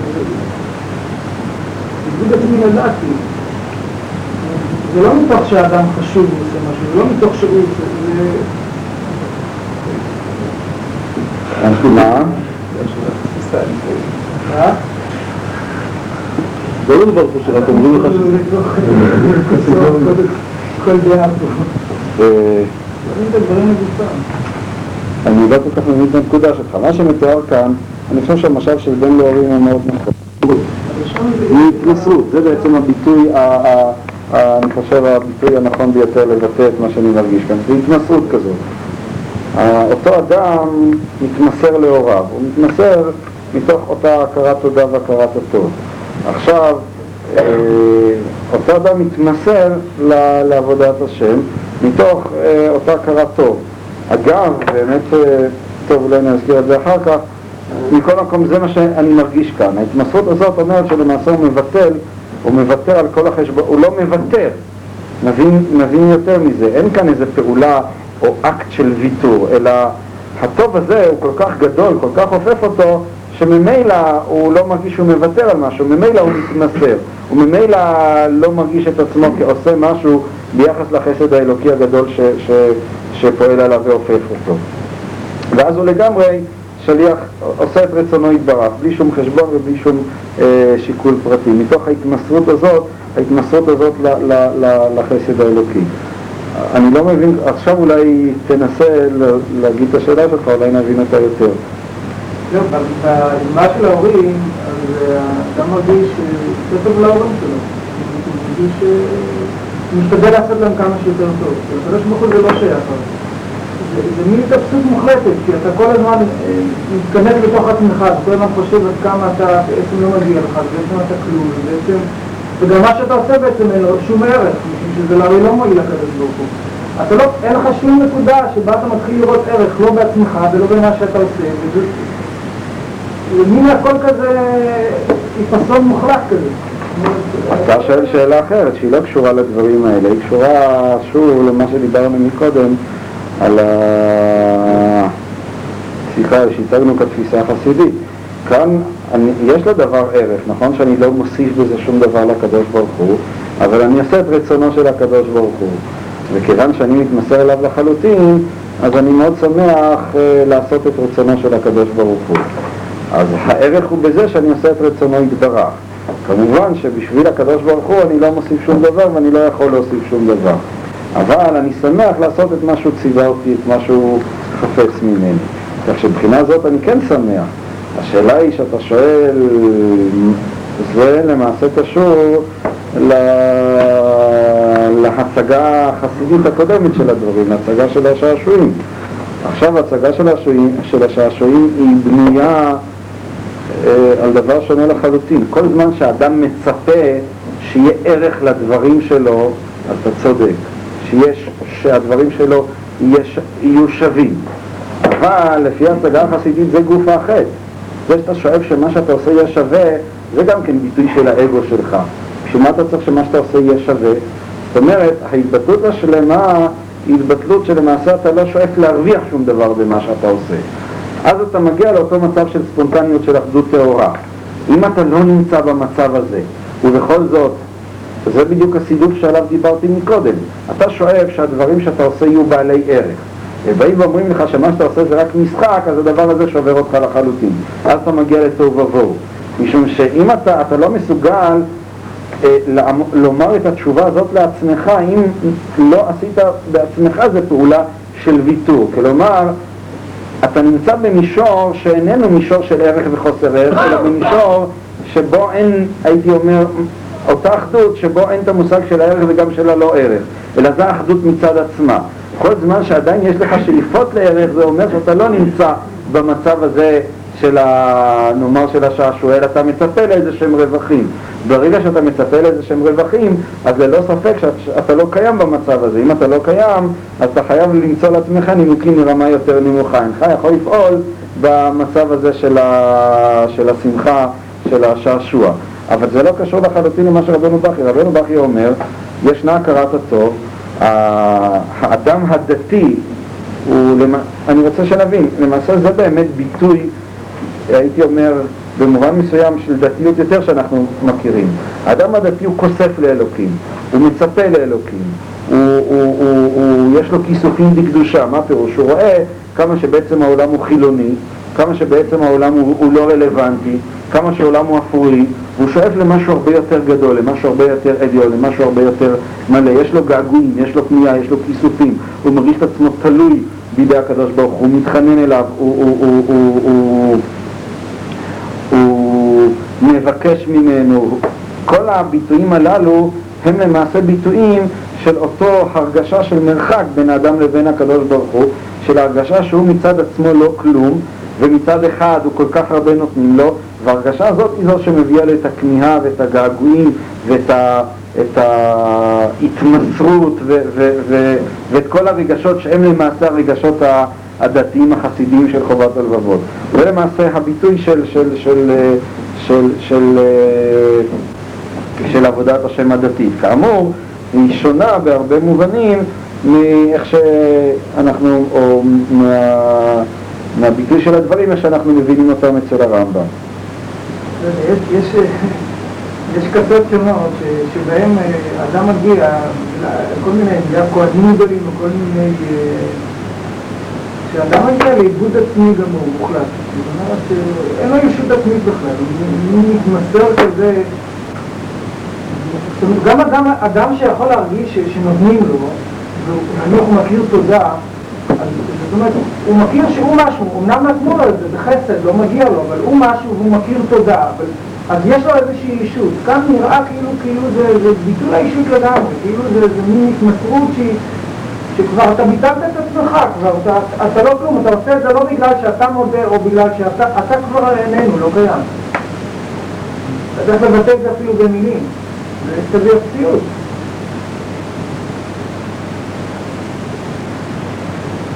זה לא פה.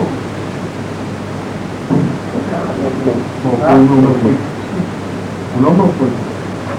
לא, הוא אומר שה- שהאדם... אז לא, אז מה קשה?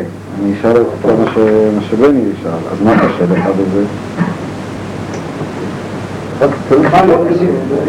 רק אם נשארת לו איזה טיפת כן אישיות, אז יש כאן קושייה, אבל אם הוא יודע להתאפס, אז אין כאן קושייה. מה פירוש שהוא התאפס? הוא לא התאפס, לא, אני אומר, במושגים רק של זה, הוא. מתבטא לחסד אני האלוקי. רואה שיש כאן אה, חוסר הבנה, אני חושב, בסיסי במובן מסוים. אותו אדם הוא לא ריק, הוא מלא. אל תחשוב שהאדם הזה הוא לא שום דבר. מתכוון לומר אותו אדם שמתמסר להוריו, האם הוא מרגיש את עצמו ריקני? האם הוא מרגיש את עצמו חסר עושר? להפך, אותו אדם, הוא מרגיש את עצמו מלא, הוא, הוא מלא בשמחה, הוא מלא בעושר, הוא מלא בחיים. החיים הללו אין משמעם התועלת האישית שלו, אבל הוא אדם מאוד חי, הוא מאוד שמח. הדוגמה של ההורים זה באמת דוגמה שבה אין, מצב אז גם כן תגיד, אין לו אני. אבל יש איזו דוגמה בכתות באמת מסוימות, שבהן באמת האדם מגיע למין התמסרות שזה...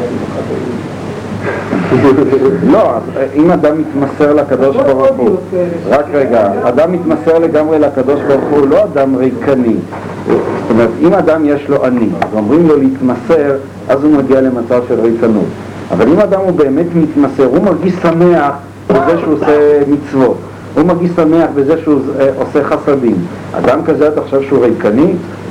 אדם כזה הוא- לא יביא. לא, לא. אותה הכרת תודה לא מביאה מפקפק, לשמחה, אותו, יראת רוממות היא מביאה להרגשה של שגב עצום, היא הרגשה עצומה של חיים, היא הרגשה שככל שאני פחות עצמי, וזה נכון שזאת היא המסקנה של הדברים, אלא ככל שאני יותר מתמסר לעבודת השם, ככה אני הרבה יותר שמח, במובן מסוים אני גם הרבה יותר קל לי, משום שאני לא מרגיש את עצמי מאולץ על ידי כל מיני דברים, אלא אני בעצם, אני, אני לכשעצמי מה אני. ואותו אני לכשעצמי מה אני משחרר אותי משום שאני לגמרי את החשבונות הפרטיים שלי ביטלתי ואז מבחינת החשבונות האלוקיים אז, אז באמת אני, נאמר ככה, יש איזה פתגם שהמסע הכבד ביותר שאדם יכול לצאת זה האני שלו עצמו וזה מאוד נכון, אם אתה משוחרר מהדאגות הללו של האני הפרטי שלך וכל כולך איננו באמת אלא מתבטל ומתמסר לרצונו יתברך, אז באמת זאת הרגשה שמחה ומלאת חיים. יש, זה לא הרגשה של ריקנות, לא, לא, לא, זה לא מצב של ריקנות, אלא להפך, זה המצב הגבוה והמלא ביותר שאדם יכול אה, אה, לזכות אליו. מפקפק במושג חסד.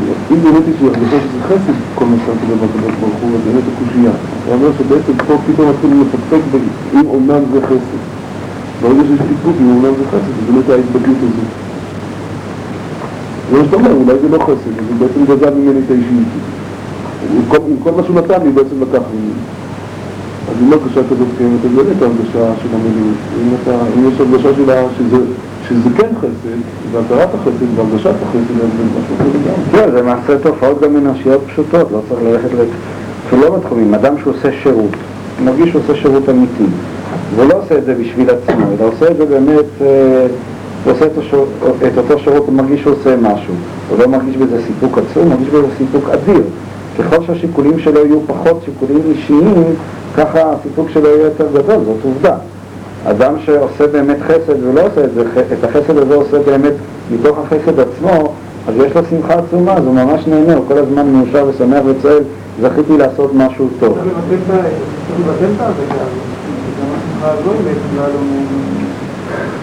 לא נכון, משום ש, שהשמחה הזאת, גם השמחה כן, זה הזאת, מבטל את גם הכלים היא- לעשייה, נכון. גם כן אגו, וגם כן עצמי, ואדם צריך לבטל, כל מה, מה הוא בכלל, מה השמחה הזאת? כשהוא אחר כך יחשוב על השמחה, אז הוא יחשוב עליה, אז הוא יגיד, מה זה, זה, זה אני עצמי, אז הוא יבטל את זה ישר. גם את זה צריך להשיג לקדוש ברוך הוא, עוד יותר ביטוי, אז גמרנו, אין פה שום... זה לא ככה, זה מה שיהודה אמר לך. אם הוא עושה את הדברים בשביל לשמוח, אז א', אתה צודק, שמחה כזאת הוא לא, הוא לא יבטל, אבל הוא גם לא ישמח אף פעם. אני, נדמה לי שהזכרתי את המשל הזה. אם אמא מטפלת בתינוק שלה, היא מאוד נהנית. עכשיו, האם היא מטפלת בתינוק בשביל ליהנות? לא. אם היא הייתה מטפלת בש... בתינוק בשביל ליהנות, היא גם לא הייתה נהנית.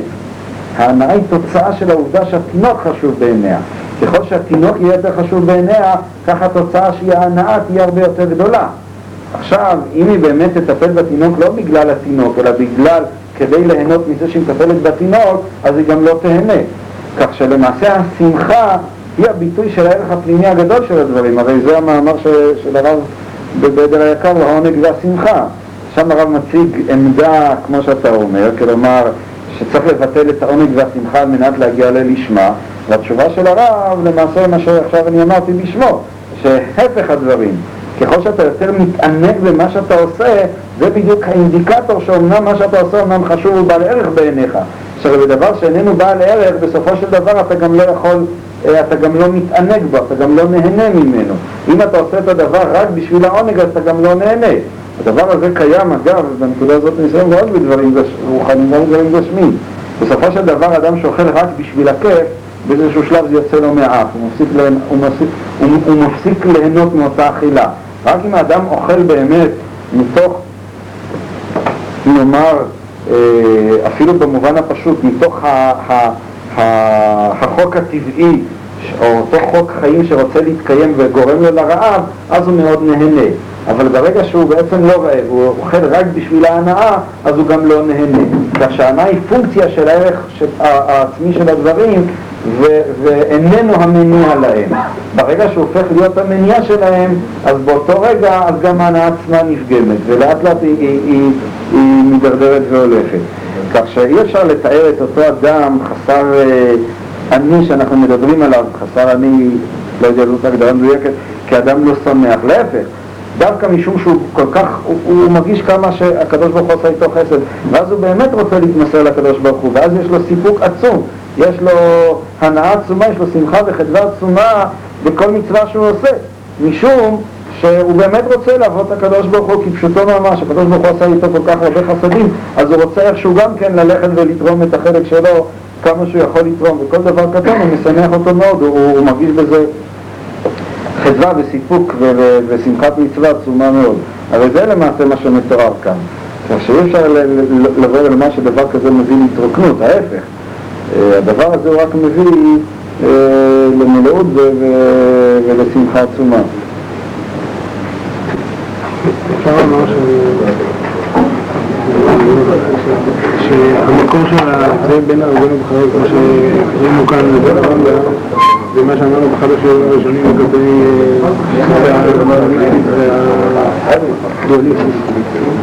למעשה שתי התפיסות האלה, לכאורה זה ממש מקביל.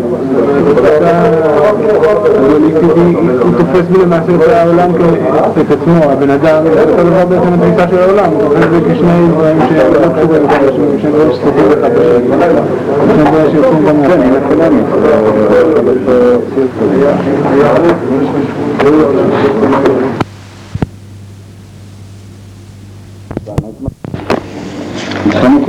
כבר את. אה, רבנו בכיה בפרק ג', נדמה לי שגם הזכרנו את השאלה שאני רוצה להתייחס אליה היום.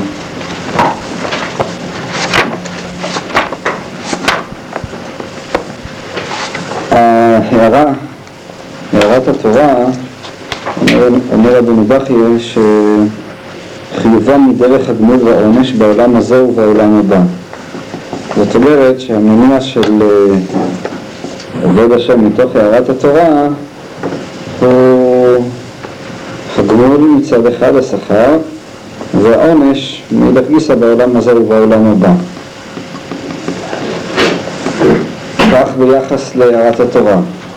אם שהערת התורה, אומר רבנו בכי, נחותה מהערת השכל, היא לא מביאה את האדם, כמו שאנחנו רואים ביתרון הרביעי, בעבודה לשמה, מכל מקום גם היא משובחת, או שתי הכניעות משובחות, מביאות את דרך ההצלה בעולם המנוחה. כלומר, אם אדם עובד את הקדוש ברוך הוא לא לשמה, אלא אה, בשביל שכר של העולם הבא, או יותר מזה, אפילו בשביל שכר בעולם הזה, אומר רבנו בכיה שגם עבודה מעין זו, גם היא אה, עבודה רצויה, גם היא עבודה משובחת. כלומר, אה, אדם שעובד את הקדוש ברוך הוא בשביל אה, שיוכל להרוויח כסף, בגלל שהוא מפחד שיקרה לו כך וכך, אומר רבנו שהיא עבודה משובחת. אמנם לא עבודה שלמה, אבל גם היא עבודה משובחת. לקמן, אחרי שמתחיל לדון ביתרונות של הערת השכל להערת התורה, אומר רבנו בכי שהעבודה שתהיה מהערת התורה אפשר שיהיה אדם מכוון בה לשם שמיים ואפשר שתהיה כוונתו לחנופה ולשבח בני אדם וכבודם בעבורה. כי שורשה מיוסד על התוחלת והרעות.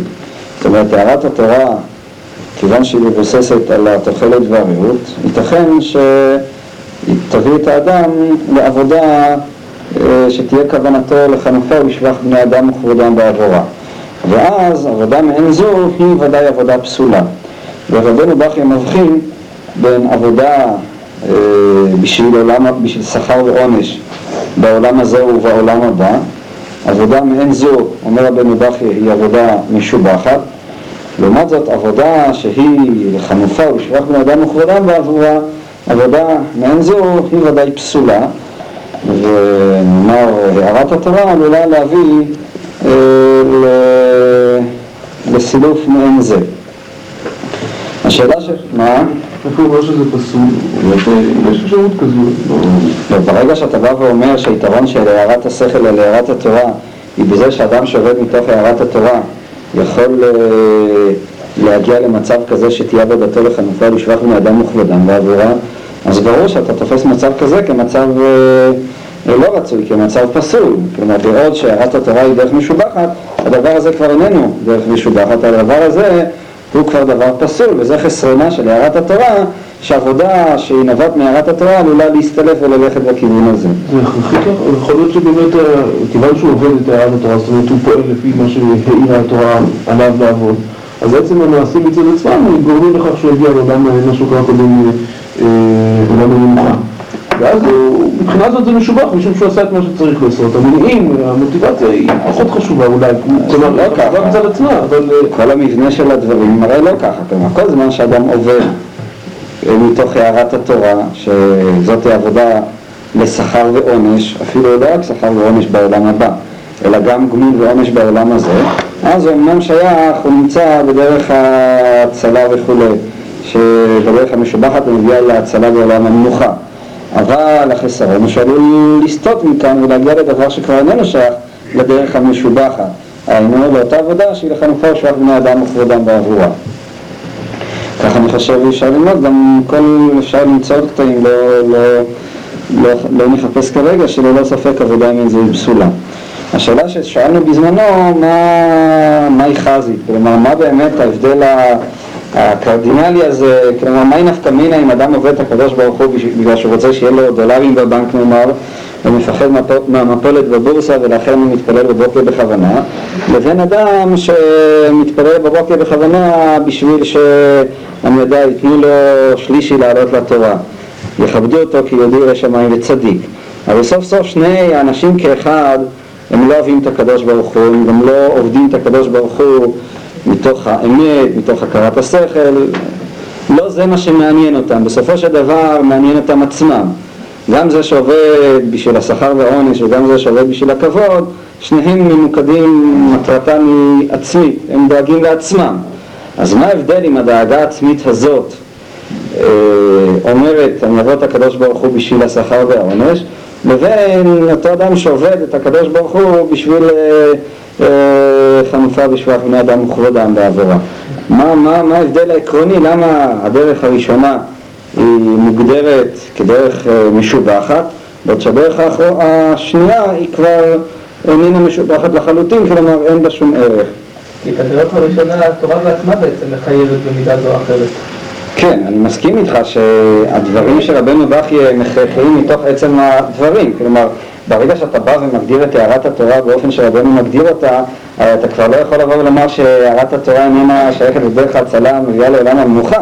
ודאי שהדבר נגזר מעצם ההגדרות כאן, אבל הגוף הקשיא, כלומר אנחנו רוצים עכשיו להבין את אה, דרך התורה עצמה, כלומר אתה רק אה, מציג את השאלה ומעלה את השאלה לרמה נוספת, זאת איננה שאלה לרבנו בכיה, זאת שאלה על הבנת התורה, למה התורה מדריכה אותנו בדרך הזאת והדרך השנייה היא פסולה. אני מסכים מה שאתה אומר, רק עדיין בכך לא השבנו את הדבר הזה.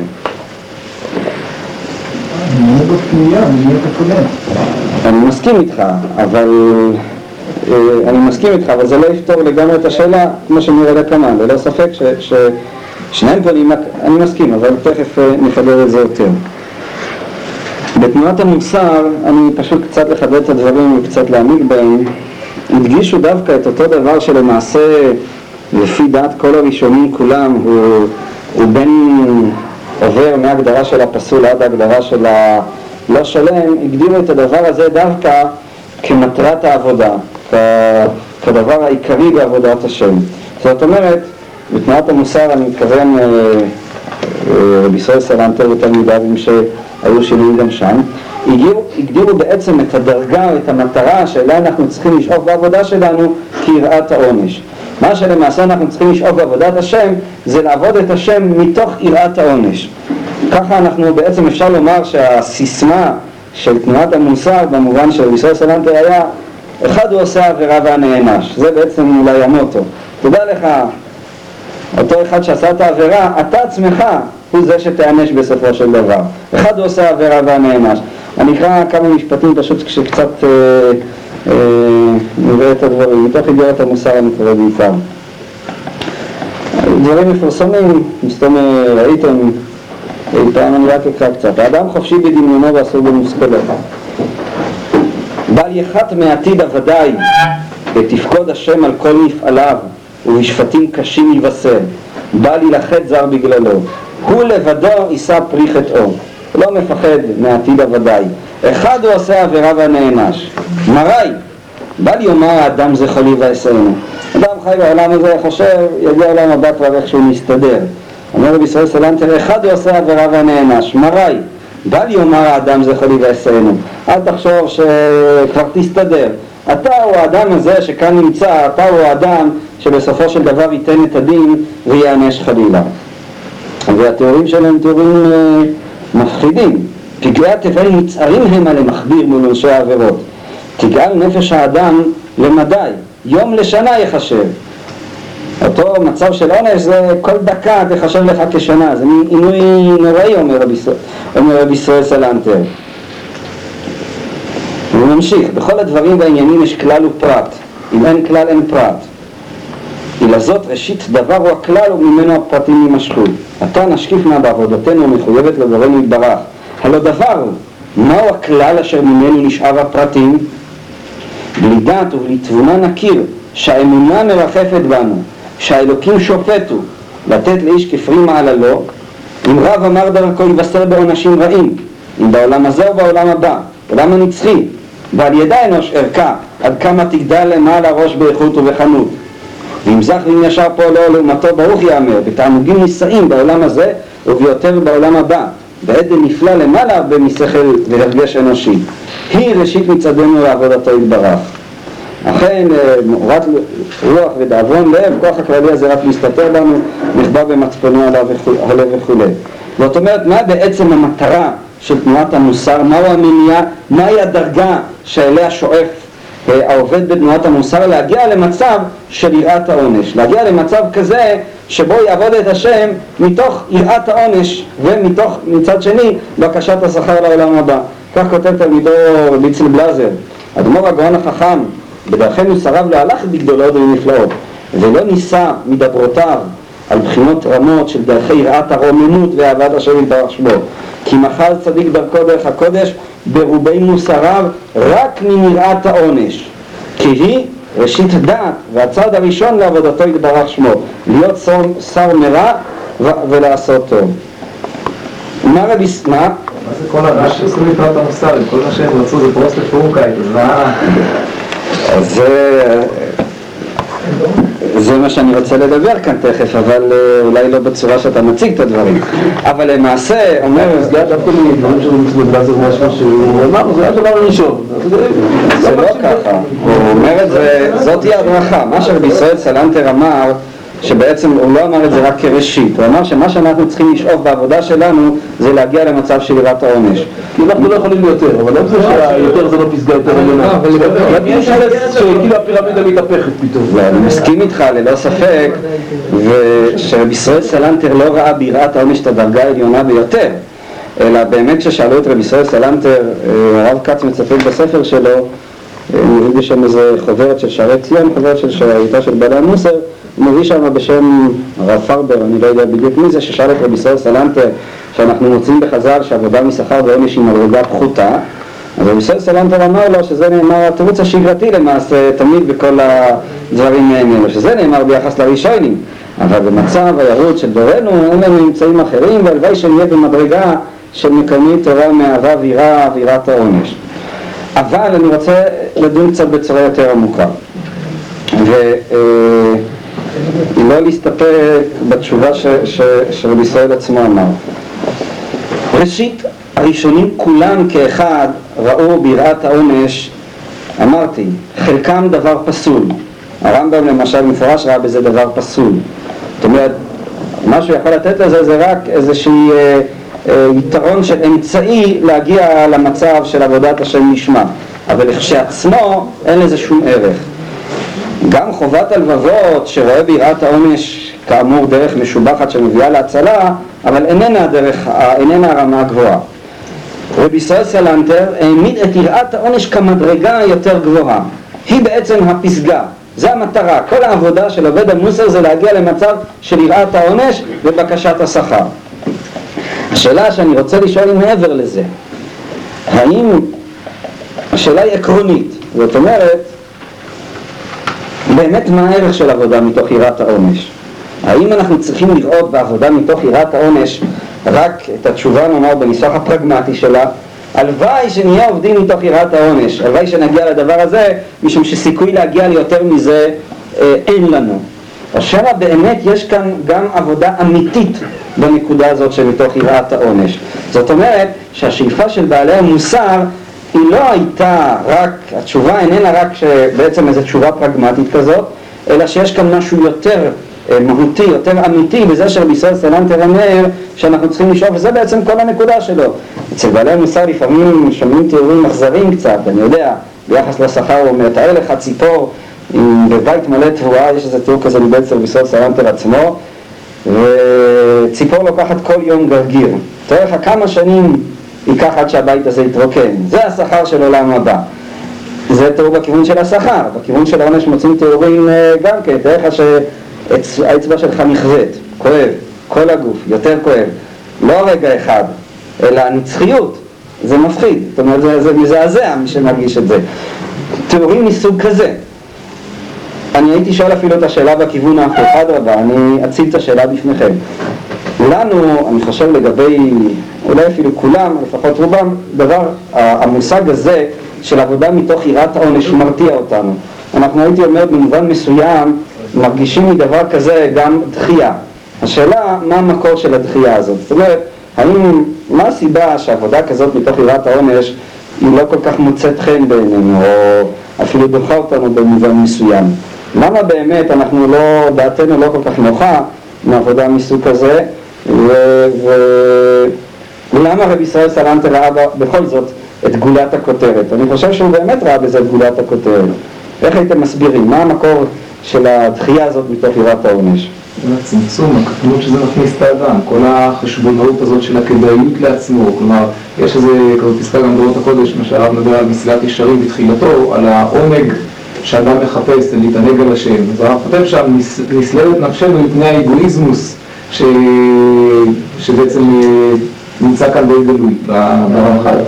אז הוא מסביר את זה אחרי זה בדרך עליונה יותר, כל משמעות של העונג, אבל באופן פשוט, איך זה נתפס, כל העניין הזה מין עניין אה, תועלתני כזה, לא... דבר מאוד, אה, מאוד מצומצם. אני חושב שזה גם, הנקודה הנוספת אולי, שזה גם אה, כביכול כפייה לאדם. יש כאן כפייתיות, מנסים לכפות, לא מתוך חופש, אולי לא מתוך חופש, אלא מתוך כפייתיות. זאת אומרת, אני, אני, אני שומע מדבריך שני דברים שהם די, נראה לי שהם די קרובים אחד לשני.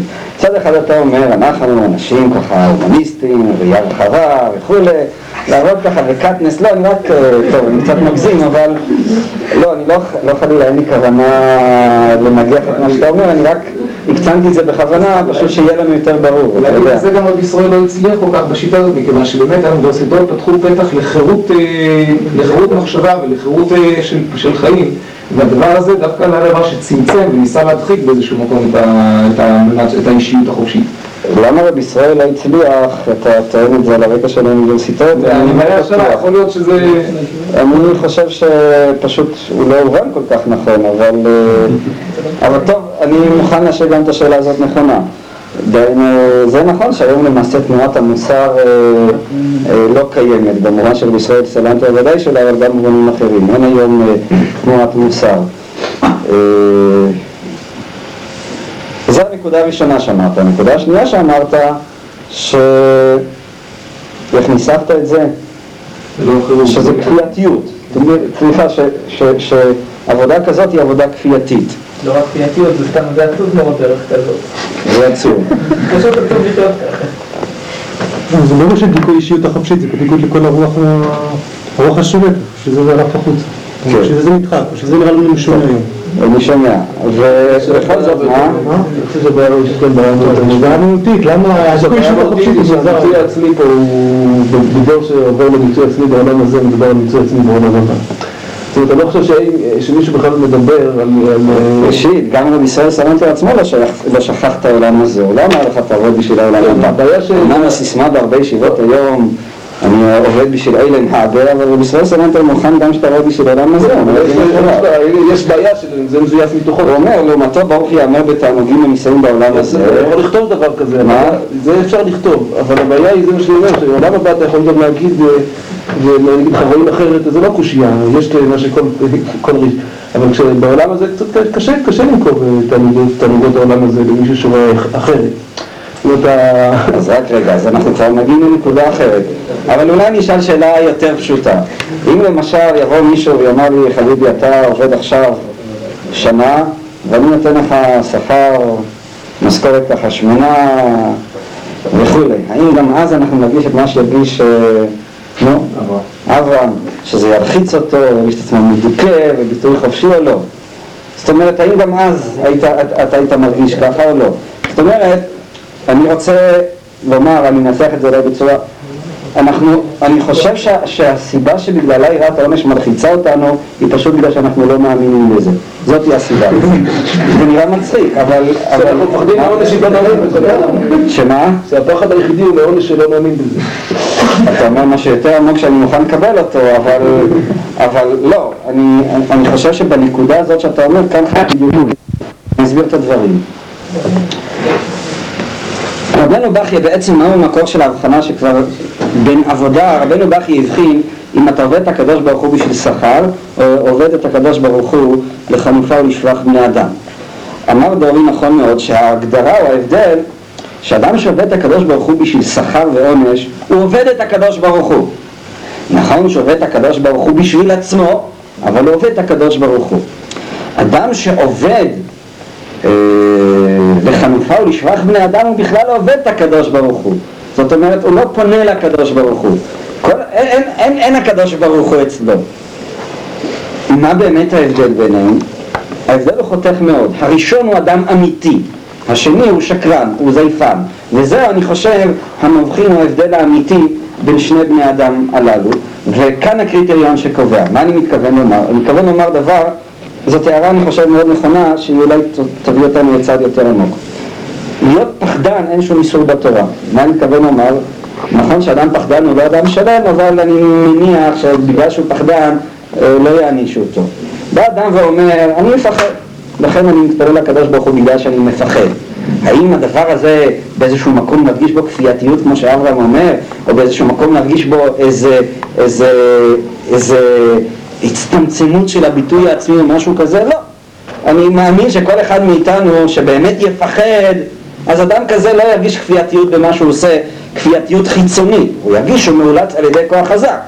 או אדם למשל בא ואומר, אני רוצה להרוויח כסף, לכן אני עכשיו עובד. האם אדם כזה ירגיש כפייתיות? הוא לא ירגיש כפייתיות. למה הוא לא ירגיש כפייתיות? משום שהוא מזדהה עם זה עצמו, הוא מאמין בזה עצמו. מה, הוא רוצה את הכסף, לכן הוא עובד. כיוון שהוא באמת רוצה את הכסף, אז הוא כבר לא מרגיש שהוא עושה כאן דבר שהוא נגד עצמו. הוא עושה דבר שהוא מאמין בו. הוא לא אדם שלם, אתה יכול אה, לומר עליו מה שאתה לא רוצה. אבל אמר לך שהוא לא אמיתי, לא תוכל לומר שהרי הוא עושה את הדבר שהוא מאמין בו. אדם שעובד באמת בשביל עולם הבא, כלומר הוא באמת אומר אני מפחד מהקדוש ברוך הוא. הקוצקאי, אני לא זוכר אם הזכרתי את זה או לא, אמר, וזה לא עולה בקנה אחד מה שרבי סול סלנטר אומר, אבל אני אומר את זה גם כן. רבי סול סלנטר דיבר רמה אחרת, הוא אמר, מה זה יראת שמיים? בא חסיד ושאל אותו. שאל אותו מה זה יראת שמיים? אז הוא אמר לו, ראית פעם זאב? אמר לו כן. פחדת? כן, זה יראת שמיים. זאת אומרת, אתה מפחד מה... מה? אתה צריך לפחד. זה כבר התוספת. איפה זה כתוב? אצל גובר? לא אצל גובר. אתה יותר לבוא עם גובר. כל בוקר שאתה מדבר עוד. לא, אני מתכוון לומר, אני חושב שזה דבר מאוד נכון שצריך להעמיק בו. אם אדם מאמין במה שהוא עושה, כלומר זה אמיתי לגביו, המניע כאן במובן הזה שאנחנו מדברים עליו הוא לא חשוב. כלומר גם אדם שהוא עובד בשביל שכר אבל הוא מאמין בזה גופה, הוא מאמין באמת שהוא מקיים את המצווה מתוך יראת העונש, הוא באמת מאמין כפשוטו שיצלו אותו בגיהנום והוא באמת מפחד מזה. אני לא מדבר אפילו על הרמה של, הכ... של, של, של האדמו"ר מקוצק שזה פחד ממש פיזי, פחד אה, אה, רפלק... של, של הרפלקסים. זה כבר רמה באמת גבוהה שמחייבת מוחשיות עצומה של אמונה ש, שאני לא חושב שמישהו מאיתנו באמת יכול להגיע אליה.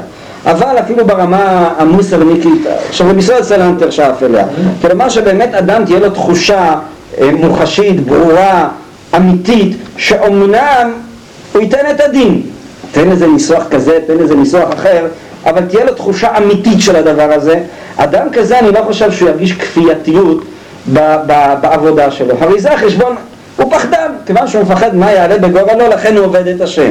אבל דבר כזה הוא לא השלמות, זה גם רבי ישראל סלנטר מסכים. אבל רבי ישראל סלנטר טען שזאת היא הדרגה הגבוהה ביותר שאנחנו יכולים להגיע אליה. למה? יש נקודה, כל הפיוטים היפים על ערכים וכן הלאה, הם דברים יפים. השאלה, וכאן אה, הבחנה אה, מוסרית מאוד חדה, אסור להתעלם ממנה. השאלה אם אתה אומר את זה רק משום שנעים לך, או שבאמת אתה מאמין בזה. וישראל סלנטר אמר, וזאת הייתה הבחנה מוסרניקית החריפה שלו, הוא אמר, השאלה אם באמת יראת העונש כפשוטו, אם באמת אתה מפחד מהקדוש ברוך הוא, או שאם אתה לא מפחד ממנו. כאן יש אפשרות עצומה לזיוף. זאת אומרת, שיראת העונש, מה שהיא דוחה אותנו ומה שהיא לוחצת אותנו, אני חושב ש... ובאמת אני חושב ככה. הסיבה בסופו של חשבון, משום שהאמונה שלנו היא לא מספיק מוחשית, היא לא מספיק ריאלית, עד כדי כך שבאמת מפחד. שהרי אם אמנם היה אצלנו ברור כפשוטו ממש, שאומנם אם נקבל חלילה עונש על העבירות שעשינו, באיזה מובן שלא יהיה, אבל זה יהיה עונש, זה לא יהיה דבר נעים, או איפכא שכר, אני לא חושב שלפחות האלמנט של הכפייתיות היה קיים אצלנו, או שהיה בא אצלנו לידי ביטוי. זאתי הנקודה, או זאתי ההבחנה של רבנו בכיה בין העבודה המזויפת לבין העבודה האמיתית. כלומר, האינדיקטור בסופו של דבר הוא האינדיקטור של האמת או של הכנות. אני יכול להביא לזה השוואות שונות מתחומים אחרים, אבל אני אעצור רגע בנקודה הזאת כדי אה, להמשיך, להמשיך לפתח רעיון נוסף. סליחה, אה, יש אה, פתרון אחר לאותה בעיה שהרב מציג, לשאלה למה אנחנו היום, אה, מה שהרב לא מאמינים ביראת העונש, אז אה, הרב זצ"ל מציג את זה בנדמה לי בדור, הדור, הרב זצ"ל מציג את זה במאמר הדור, אנשים שכבר בעצם אה, נטיית הפחד אצלם בכלל זה כבר דבר, אה, דבר שלא כל כך קיים. אנשים אמיצי לב שלא מפחדים מכלום, לא אכפת להם לשרוד את נפשם בשביל דברים ולהתענות בכל מיני אלוהים, אז אף אחד לא אותו, שירדו לו את האצבע, הוא כבר עשה את זה. כלומר, הוא מוכן להרבה יותר מזה אפילו, והוא עושה יותר מזה אפילו, כך ש... אולי זה- זה באמת אולי ממד נפשי חדש, שאנשים לא מוכנים, אה, לא שייך מבחינתם. תראה, אני חושב שבמאמר של הדור, זה- מה? לא, אני חושב שבמאמר במאמר הדור, לעניות דעתי זה גם... זה משהו מהסיפור של יאללה רב. לא, בסדר, אני מעלה שאלות. תראה, הדור, הרב דיבר במאמר שלו על הדור, אני חושב שזו גם טעות די נפוצה. הוא דיבר על הדור שלו. עכשיו, על איזה אנשים הוא דיבר? הוא דיבר? אנשי המהפכה הקומוניסטית, אנשי העלייה השנייה, אנשים ש... ברנר, גורדון, חבורה כזאת שבאמת השליכו את הכל והטענו בעינויים כפשוטו ממש בשביל האידיאלים שלהם.